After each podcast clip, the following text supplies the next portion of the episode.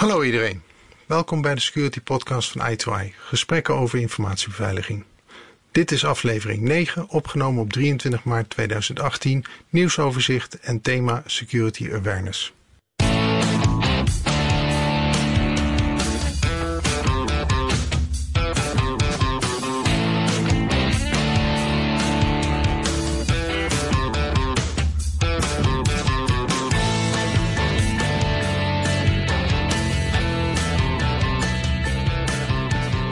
In deze aflevering dubbel betalen, Cambridge Analytica, nieuwe spelregels, het referendum en het thema Security Awareness. Ik ben Lex Borger en vandaag is Ria Boerichter mijn podcastmaatje. Hallo Ria, hoe is het met jou? Hey Lex, ja met mij gaat het heel goed, dankjewel. Leuk om uh, bij jou in de podcast te mogen zijn. Ja, Graag gedaan. Ik vind het erg fijn om uh, jou als gast te hebben. Jij brengt weer hele andere onderwerpen aan tafel, denk ik, dan uh, mijn uh, gebruikelijke maatjes inmiddels. Ik had jou gevraagd om een weetje van de week aan te dragen. Ja, dat heb je inderdaad gevraagd. En ik heb een beetje de kranten gelezen en eigenlijk viel mij iets op. Want bij heel veel dingen die ik tegenkwam, merkte ik van ja, dit gaat allemaal over vertrouwen. En toen dacht ik weer even terug aan de tijd dat het Oostblok nog netjes gesloten was. En uh, dat de stelregel daar was: vertrouwen is goed, maar controle is beter. En dat zijn dingen die ik ook nog wel eens tegenkom in ons werkveld. Want ik zag in het nieuws dat heel veel verschillende zaken uh, te maken hebben met het verlies van vertrouwen. Bijvoorbeeld het nee op de sleepwet. Mensen zien het waarschijnlijk dan toch niet zitten om uh, hun gegevens op die manier te laten verzamelen. Ik zie ook het grote lek bij Facebook Waarbij men zei van ja, we dachten dat de andere partij wel gewist zou hebben, maar we hebben het niet gecontroleerd. En nu is dat natuurlijk uh, voor Facebook uh, redelijk desastreus. Je ziet het ook bij kwesties uh, van lokale en niet lo ja, eigenlijk lokale politici die de toets van de integriteit niet kunnen doorstaan. En, en zelfs zag ik gisteren dat het misschien wel speelt bij het organiseren van de intocht van Sinterklaas. Want um, er zijn mm, tot dat moment waren er nog geen gemeentes bereid om de Sinterklaas-intocht te laten vastleggen door de NPO. En ja, dat heeft natuurlijk ook alles te maken met het veranderende klimaat en uh, het verlies van uh, vertrouwen in uh, ja, een, een, goed volksfeest kunnen vieren zonder verstoringen door demonstranten. Ja, is je pleidooi nou voor het terugkeren van meer vertrouwen of het, het meer controle krijgen? Ik ben, ik ben voor meer vertrouwen, maar ik denk gecontroleerd vertrouwen uh, zorgt er het best voor dat je het vertrouwen ook snel weer terugwint. Want uh, volgens mij luidt het spreekwoord ook, vertrouwen komt te voet en gaat te paard. Op het moment dat het iets misgaat, dan is het heel snel weg, maar je kunt het ook winnen. Ja, dus het is, uh, het is eigenlijk tijd om het vertrouwen terug te winnen als ik ja, ik denk dat door goede acties uh, dat, dat, dat ook de sfeer kan omslaan en, uh, en mensen weer sneller geneigd zijn om het vertrouwen te schenken. Ja, ik heb wel eens het idee dat, dat inderdaad de, de samenleving individualistischer wordt, maar dat gaat samen met inderdaad een verlies aan vertrouwen. Ja, ik denk dat, uh, dat ik heel erg met je mee kan denken daarin. Ja. En wat had jij van Weetje van de Week? Ja, ik, ik las dat uh, de laatste mannelijke witte Noord-Afrikaanse neushoorn overleden is. Ja. En dan, dan zit ik dus te denken van, ik weet nog dat ik als kind mij zorgen maakte van, ja, wat als straks dit soort prachtige beesten er niet meer zijn? En ineens krijg je dan inderdaad de visioen dat dat werkelijk zo kan worden. Mm -hmm. Dat deze beesten gewoon verleden tijd zijn. Ja. Het is natuurlijk nou nog niet helemaal gezegd dat, dat dit zo gaat lopen. Want er wordt nou een hele hoop gespeculeerd over... Uh, ja, kunnen we hier uh, reageerbuisbaby's uh, klonen maken?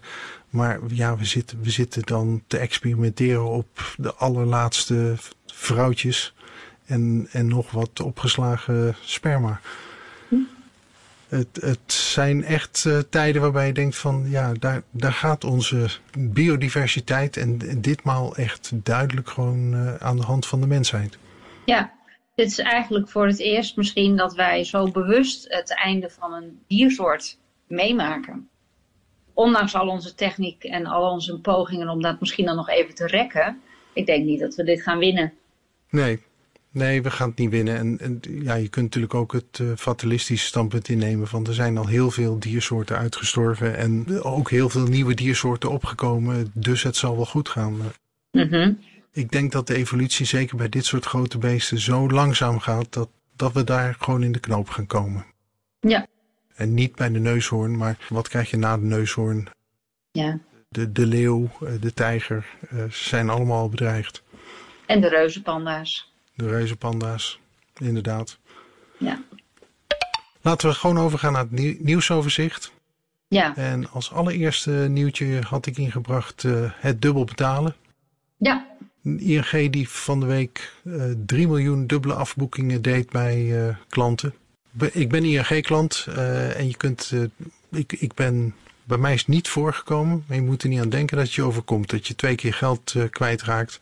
En je ziet de kranten daar ook op inspelen. Je krijgt veel emotionele berichtgeving over dubbel geld kwijt zijn, rood staan, dingen die dan daardoor niet kunnen.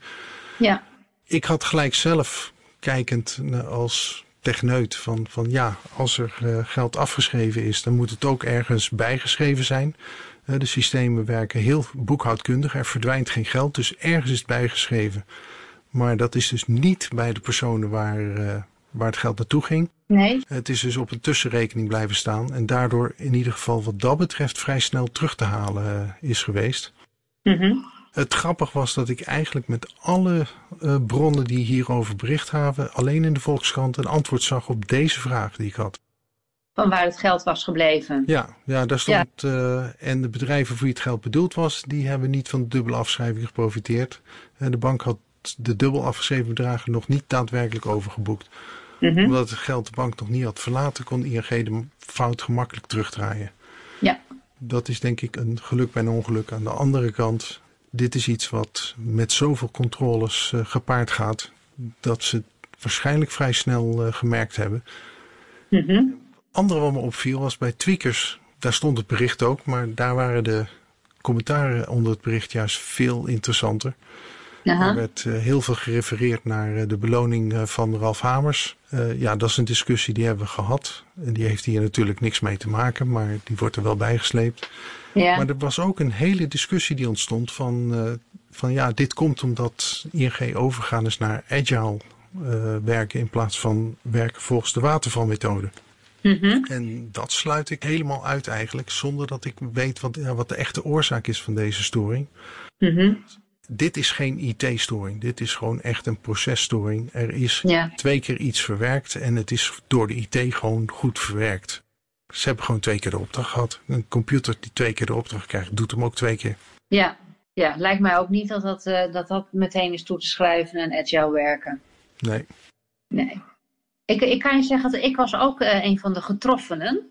Maar het bedroeg het schamele bedrag van 1,10 euro. Dus ik heb geen financieel nadeel uh, ondervonden van deze afschrijving. Ik kon de volgende dag gewoon nog volop pinnen.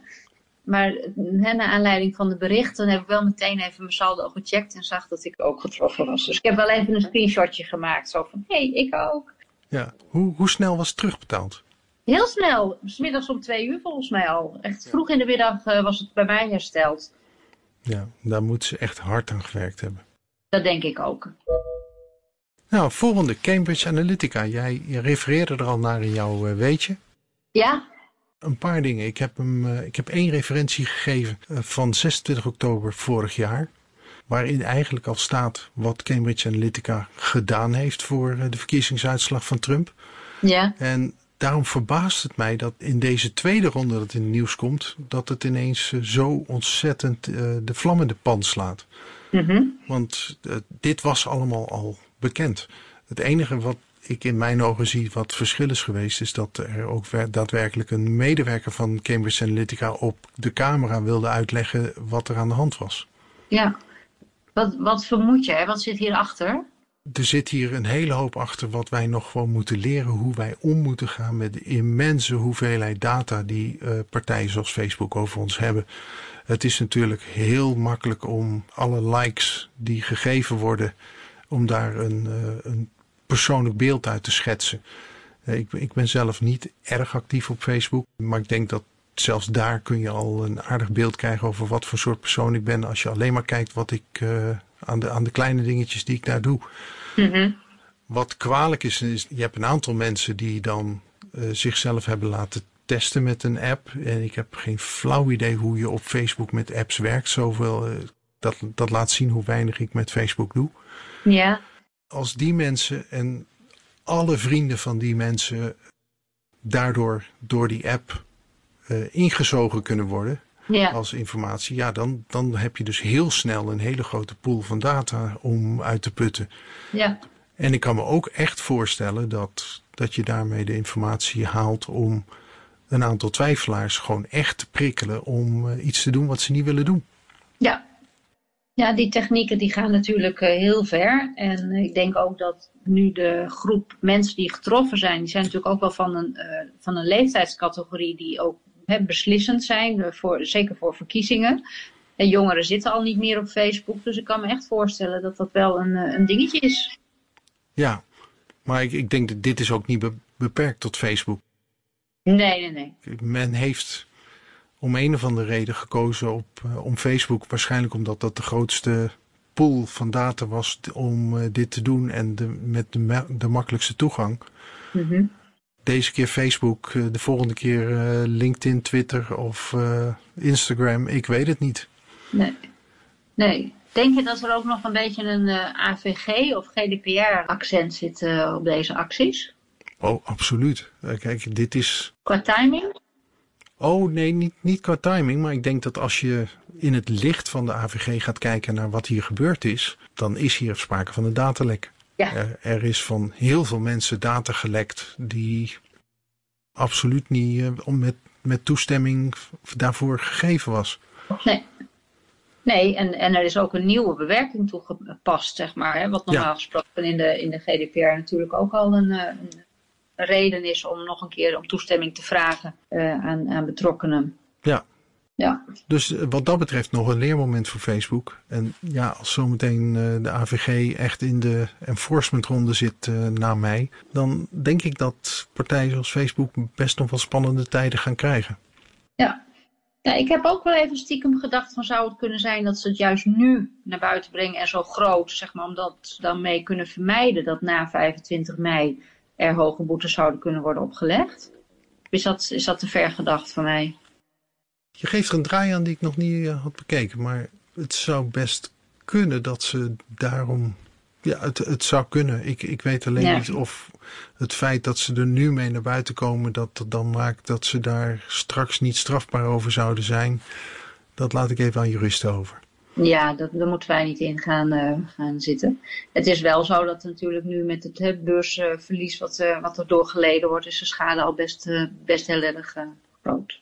Ja, maar dat is, dat, dat is typisch zo met beursbewegingen. Dat, nou is niet het moment om je verlies te nemen. Het is juist het moment om vast te houden. Want ik neem aan dat ze wel op een gegeven moment weer terug zullen komen. Ja, ja, het is, het is de vraag, zeg maar, van hoe het nu verder gaat met Facebook ja. en, en de reputatieschade. Hoe lang dat aan ze kleeft.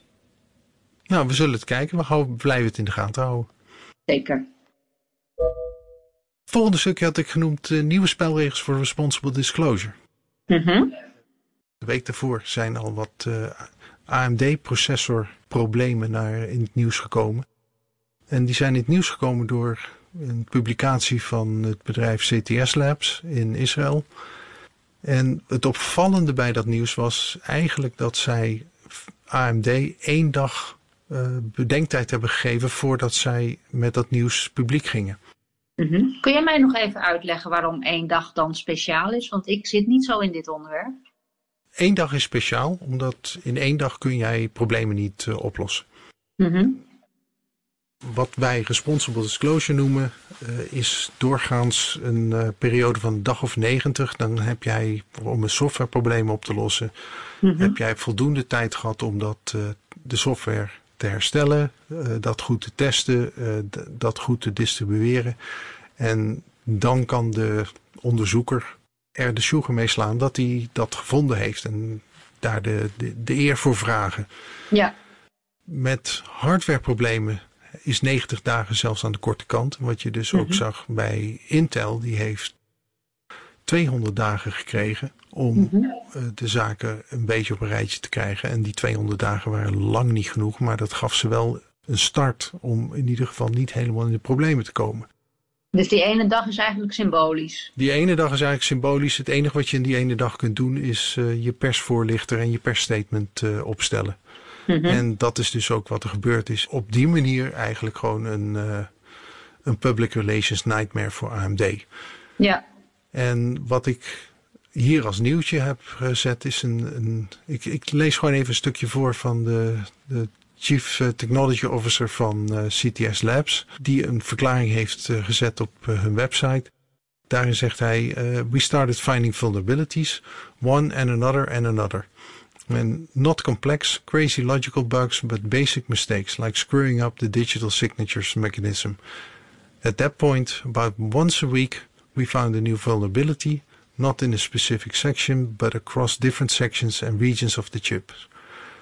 It's just filled with so many vulnerabilities that you have to point, research, and you'll find something. Obviously, a personal opinion. After that, we decided to uh, we have to go public with this. I honestly think uh, it's hard to believe we're the only group in the world who has these vulnerabilities, considering who are the actors in the world today, and us being a small group of six researchers. Mhm. Dus hiermee krijg je dus dat ze beschip vragen en zeggen van ja, als, als wij met z'n zessen en eigenlijk gewoon lukraak ergens kijken en kwetsbaarheden vinden, dan moeten we ervan uitgaan dat eh, alle andere researchers in de wereld die hier naar kijken eh, dat ook doen. En dat het ondenkbaar is dat, eh, dat wij de enige zijn die naar AMD hebben zitten kijken. Ik kan dat eh, eigenlijk wel volgen als je er eh, zo over denkt. Oké. Als jij dat zo van als, eh, je noemde je ze net zelf, jezelf buitenstaander, heb jij daar nog nog een reflectie op? Nou ja, ik word dan wel nieuwsgierig naar waarom dat dan is teruggebracht tot echt een, een dag die, die zeker onhaalbaar is om iets te fixen. Wie heeft daar dan belang bij? Wat zij zeggen is, ze zijn zo bang dat er al eh, anderen zijn die dit stilzwijgend misbruiken. Hè, want eh, partijen die dit niet melden, maar die, dat zijn dan partijen die dit gewoon eh, misbruiken en Mhm. daar dan van profiteren. En zeggen van wij vinden dat zo belangrijk dat, dat iedereen weet dat dit mogelijk al aan de gang is. Dus wij, wij kunnen gewoon niet wachten met dit melden. Oké. Heeft dit dan ook met zero days te maken? Dit is een zero day. Ja, eh, je hebt een eh, probleem. Maar het is nou formeel geen zero day meer. Nee. Ze zijn echt eh, bang dat het een zero day al was. En door het bekend te maken is het formeel geen zero day meer. Aan de andere kant, het is een beetje afhankelijk van de definitie. Want totdat er een oplossing is, Is het nog steeds een zero day? een beetje, beetje afhankelijk van wie het definieert. Ja. Maar goed, de periode van een zero day wordt hierdoor heel sterk bekort. Ja, dat hopen we wel. Want eh, ja, we, we horen nou ook gewoon eh, al de eerste mogelijke oplossingen binnenkomen. We horen dat AMD er hard aan werkt. Ja. Alleen al het feit dat je dit weet, kun je natuurlijk ook kijken of dat je ergens ziet dat dit al misbruikt wordt. En dat is natuurlijk Mhm. ook een hele hoop van de, ja, de grote cloud providers. Die kunnen gewoon gericht aan de gang gaan als ze weten dat ze dit soort processors gebruiken. Dat ze ook gaan kijken van zien wij bewijzen dat dit al misbruikt wordt of niet. Ja. Dus voor de opsporing eh, heeft dat zeker een goede kant. Ja. Helder. En dan hebben we van de week nog een referendum gehad. Oh ja. ik ga niet vragen wat je gestemd hebt, maar ik ben wel benieuwd naar wat, je van je wat jij van de uitslag vindt. Nou, ik, ik heb eh, heel duidelijk eh, mijzelf uitgesproken als eh, tegen de WIF. En dat heb ik ook gestemd. En ja, ik denk uiteindelijk als je de uitslag ziet, ik vind het altijd weer machtig hoe een bepaalde uitslag dan echt zo bijna 50-50 kan uitvallen. Mhm. Dat zat allemaal zo dicht bij elkaar. En het feit dat er geen harde 50% meerderheid gehaald is, gaf ook even op Twitter de discussie van: ja, maar is het dan werkelijk ook een tegenstem? Want als je de wet op een bepaalde manier leest, de referendumwet, Mhm. dan heb je echt een meerderheid van stemmen nodig. En dus was er even een eh, speculatie dat de, de blanco stemmen hierbij de doorslag zouden geven. Oh ja. De kiesraad heeft heel duidelijk gezegd van nee, de blanco stemmers tellen niet mee. Nee, alleen voor de opkomst. Als er meer tegen gestemd is dan voor, dan, is, dan heeft tegen gewonnen. Ja. Nou nu is de situatie natuurlijk toch al een bijzonder dat hè, het kabinet hoeft er niets mee, hè, dus ongeacht de uitslag. Maar nu er een iets uh, sterkere nee te horen uh, valt, denk ik wel dat het, ja, dat het wel de kwaliteit van de wet mogelijk ten goede komt als ze het nog een keer ter harte nemen of ter hand nemen en zeggen van, ehm, nou waar kunnen we dan nog waarborgen inbouwen of op welke manier kunnen wij er nu toch nog voor zorgen dat ook weer het vertrouwen van de Nederlanders hierin wat, wat, ehm, wat hersteld wordt. Ja. ja, en dan pak ik ook even gelijk het kantklossen van Rutte erbij. Ik denk ja. dat dat niet handig is in die hele discussie. Want daarmee disqualificeer je je eigen kiezers over het kunnen meepraten hierop. En dat is denk ik nou juist zo belangrijk dat je op een onderwerp zoals dit juist wel het volk informeert en laat meebeslissen. Ja, en serieus neemt. En ik hoop dus inderdaad dat er een betere WIF uit voortkomt. En niet dat we zeggen van nou ja, dan, dan houden we het gewoon bij het oude. Want het oude is hartstikke verouderd. Ja, dus we zullen het afwachten. Ja. En dan komen we op het thema. Jij hebt het aangedragen, security awareness.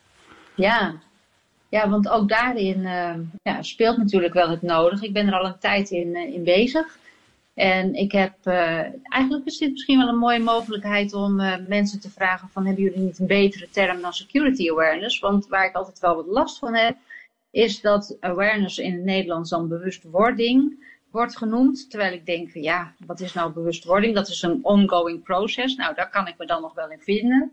Maar hè, dat komt van, dat komt niet vanuit het niets, zeg maar. Je bent daarvoor niet bewusteloos, zeg maar. Nee. Dus ik vind het belangrijk om, om een mooie, goede, sterke term te hebben voor security awareness. Want ja, het heeft zoveel aspecten dat er misschien nog wel wat, uh, wat meer over te zeggen valt dan alleen bewustwording. Zo uh, denk ik bijvoorbeeld dat, dat het belangrijk is om uh, dit te realiseren, en dan gaat het vooral over de CISO's, dat, dat er een een, een lijntje moet worden gemaakt richting uh, eh, HRD, Human Resource and Development, en, en ook naar interne communicatie. Omdat dit onderwerp voortdurend in beweging is en je dus ook in een soort van permanente loop mensen moet meenemen in nieuwe ontwikkelingen die ook gevolgen kunnen hebben voor informatieveilig werken. En dan denk ik dat de CISO dat alleen niet meer genoeg over de bühne kan brengen en misschien ook niet de middelen heeft om dat, om dat te doen. Terwijl het wel heel erg belangrijk is dat medewerkers daar altijd in worden uh, ja, bijgeschoold. Het is natuurlijk ook wel een beetje zo geweest dat wel de risico's benoemd werden. En dat er heel hard geroepen werd van je mag niet meer dit en je moet niet meer dat. Maar dat er uh, weinig alternatieve en uh, veilige werkwijzen werden aangedragen. En dat is wel een trend die ik zie veranderen. En daar vind ik dan ook wel een leuk middel in. Dat je bijvoorbeeld, um, ja, ik weet niet hoe het jou vergaat, maar als ik een lampje moet vervangen in mijn auto, dan kijk ik even op YouTube hoe ik dat ook weer moet doen met mijn type auto. Nou, en zoiets gebeurt ook bij security awareness. Mensen gaan op zoek op een intranetomgeving of op een LMS of een andere vindplek naar iets wat ze nodig hebben op dat moment. En als je er dan voor zou kunnen zorgen dat er daar genoeg informatie te halen valt, dus hè, just in time, just enough, dan denk ik dat je als bedrijf op een hele goede manier je security awareness ter hand neemt. Ja, eigenlijk zeg je van we doen er nou gewoon veel te weinig aan en de boodschappen die we geven, die gaan helemaal niet ver genoeg en zijn helemaal niet praktisch genoeg om... Niet praktisch genoeg. Ja, en, en ook misschien wel een beetje voorbij de zaak. Want ik denk dat, dat je niemand zult vinden die uh, een betoging gaat houden voor het feit dat hij een zwak wachtwoord wil. Het is alleen wel altijd de vraag van ja, maar hoe dan een sterk wachtwoord? En, uh, en hoe dan zoveel verschillende wachtwoorden voor verschillende applicaties? En als je mensen daarin bijvoorbeeld kunt ondersteunen door ze een ja, wachtwoordmanager als tool aan te bieden, dan denk ik dat je veel beter bezig bent. Dat er ook veel meer uh, respons komt vanuit de organisatie. En dat je dus echt je veiligheid verhoogt. Ja, Nou, als je mensen dingen vraagt die gewoon moeilijk uitvoerbaar zijn, dan ga je ook hun creativiteit aanspreken om, ja, om de maatregelen heen te werken. Ja, dat klopt. En dan denk ik dat bij security awareness ook heel duidelijk speelt hè, hoofd, hart, handen. Wat ik altijd als, als drie eenheid zie. Mensen weten wel dat ze veilig moeten werken. Uh, soms snappen ze ook wel waarom dat is, maar hoe ze dat dan moeten uitvoeren is heel vaak nog een on, uh, onbeantwoorde vraag. En als je die drie dingen niet samenpakt, dan is het heel lastig om binnen een organisatie een uh, informatieveilige cultuur te bereiken. Ja. Is mijn overtuiging. Ja, en in het begin wat je al zei is dat dat is niet de taak voor de CISO, maar dat is de taak voor vele hoge officials in het bedrijf. Ja, ja, en dan denk ik ook wel dat het misschien heel fijn zou kunnen zijn wanneer je ja, in een soort permanente educatie uh, de onderwerpen terug kunt laten komen, hè, steeds naar de huidige stand van zaken. Dus dat je ook de ontwikkelingen die er zijn en ook die een, bedrijf intern, uh, de maatregelen die een bedrijf intern kan nemen om uh, veiligheid te vergroten, dat je die ook doorlopend blijft communiceren naar je medewerkers. Ja, en, en ook, als ik goed geluisterd heb, jou passief vindbaar vindt op het moment dat de medewerker er naar op zoek wil. Ja, dat, dat zou helemaal fijn zijn. Zeg maar, dat, je, dat je een goede plek hebt waarin uh, de informatie up-to-date is en, en, en goed uh, toegankelijk is voor de medewerkers. Dus zijn er uh, bedrijven waarvan je denkt van, goh, die kunnen als voorbeeld dienen hierin? Of is het gewoon nog helemaal niet zover in de nou, mijn ervaring, dat, dat weet ik niet. Er zijn veel sectoren waarbij ik denk dat het geregeld is. En natuurlijk helpt het al als je bij een bank werkt. Dat je, hè, daar is informatieveiligheid zo belangrijk voor je business. Hè, daar, daar is het liefst beter geregeld dan bij een uh, wat kleiner bedrijf met minder uh, medewerkers. Maar het is wel zo dat ik uh, gemerkt heb in, mijn, in de afgelopen jaren dat de functie van CISO ook op veel verschillende manieren wordt belegd. En dat daar ook wel een groot verschil is dus in de aanpak van, ja, van informatieveiligheid binnen een bedrijf. Dus het zou wel bij de CISO moeten beginnen in jouw ogen? Nou, ik vind wel dat hij een belangrijke rol heeft hierbij. Ja. Maar ik denk dat hij echt de samenwerking moet, kan, moet zoeken met andere partijen binnen een bedrijf die ook verantwoordelijk zijn voor het opleiden en trainen van de medewerkers. Ja. En dan, dan kom je op eh, alignment en dat zeggen we in de techniek ook. De CISO kan niet uh, zorgen dat uh, alle patches geïnstalleerd zijn. Hij kan alleen maar uh, dat ook aangeven bij ja. de beheerders die dat moeten doen. Ja, nou, dat is precies, dat, is, dat is ook denk ik heel erg wat de CISO-rol is. Ja. Degene die het coördineert en die het stuurt, maar die het niet uitvoert. Ja, verantwoordelijk voor het proces. Ja, inderdaad. Nou, dat, dat geeft wel een, uh, een goede positionering. Mm En daarmee zijn we dan ook gelijk uh, aan het einde gekomen van deze aflevering. En dan wil ik als eerste graag uh, alle luisteraars bedanken voor hun interesse. En mocht je willen reageren naar aanleiding van deze aflevering, stuur ons dan een bericht via Twitter. Mijn Twitter-handle is @lexborger.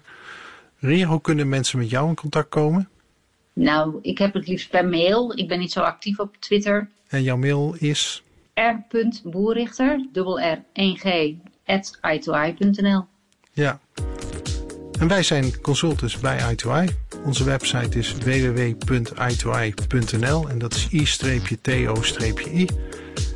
Deze podcast komt eens in de twee weken uit en de afleveringen zijn te vinden als nieuwsitem op onze website. Je kunt je abonneren op de podcast via de feedlink https www.i2i.nl slash feed slash podcast.